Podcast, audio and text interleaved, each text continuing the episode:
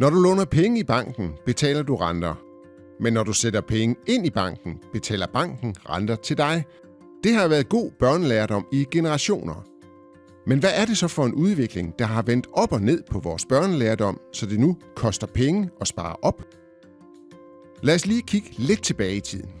Hvis årene op til finanskrisen i 2008 var en forbrugsfest, så har årene efter finanskrisen til gengæld gjort opsparing til danskernes nationalsport. Her kan du se, hvordan kundernes indestående i Jyske Bank er vokset og vokset siden 2012. Problemet er bare, at i takt med, at kunderne har sat flere og flere penge i banken, så er renten bare faldet og faldet. Og de sidste år har renten ligefrem været negativ.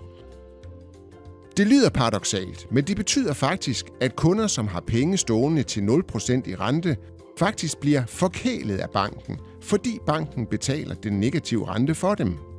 Kunderne har simpelthen sat flere penge i banken, end banken kan låne ud til andre kunder, og derfor placerer banken pengene, for eksempel i Nationalbanken, til en minusrente.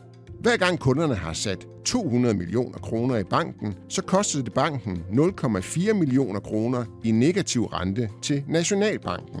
Og jo flere penge kunderne sætter i banken, jo dyrere bliver det for banken. Man behøver vist ikke være professor i økonomi for at regne ud, at det er en dårlig forretning for banken.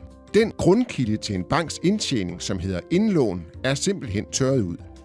Forskellen på indlånsrenten og udlånsrenten, den såkaldte rentemarginal, er blevet mindre og mindre, og det er netop her, en bank traditionelt tjener sine penge.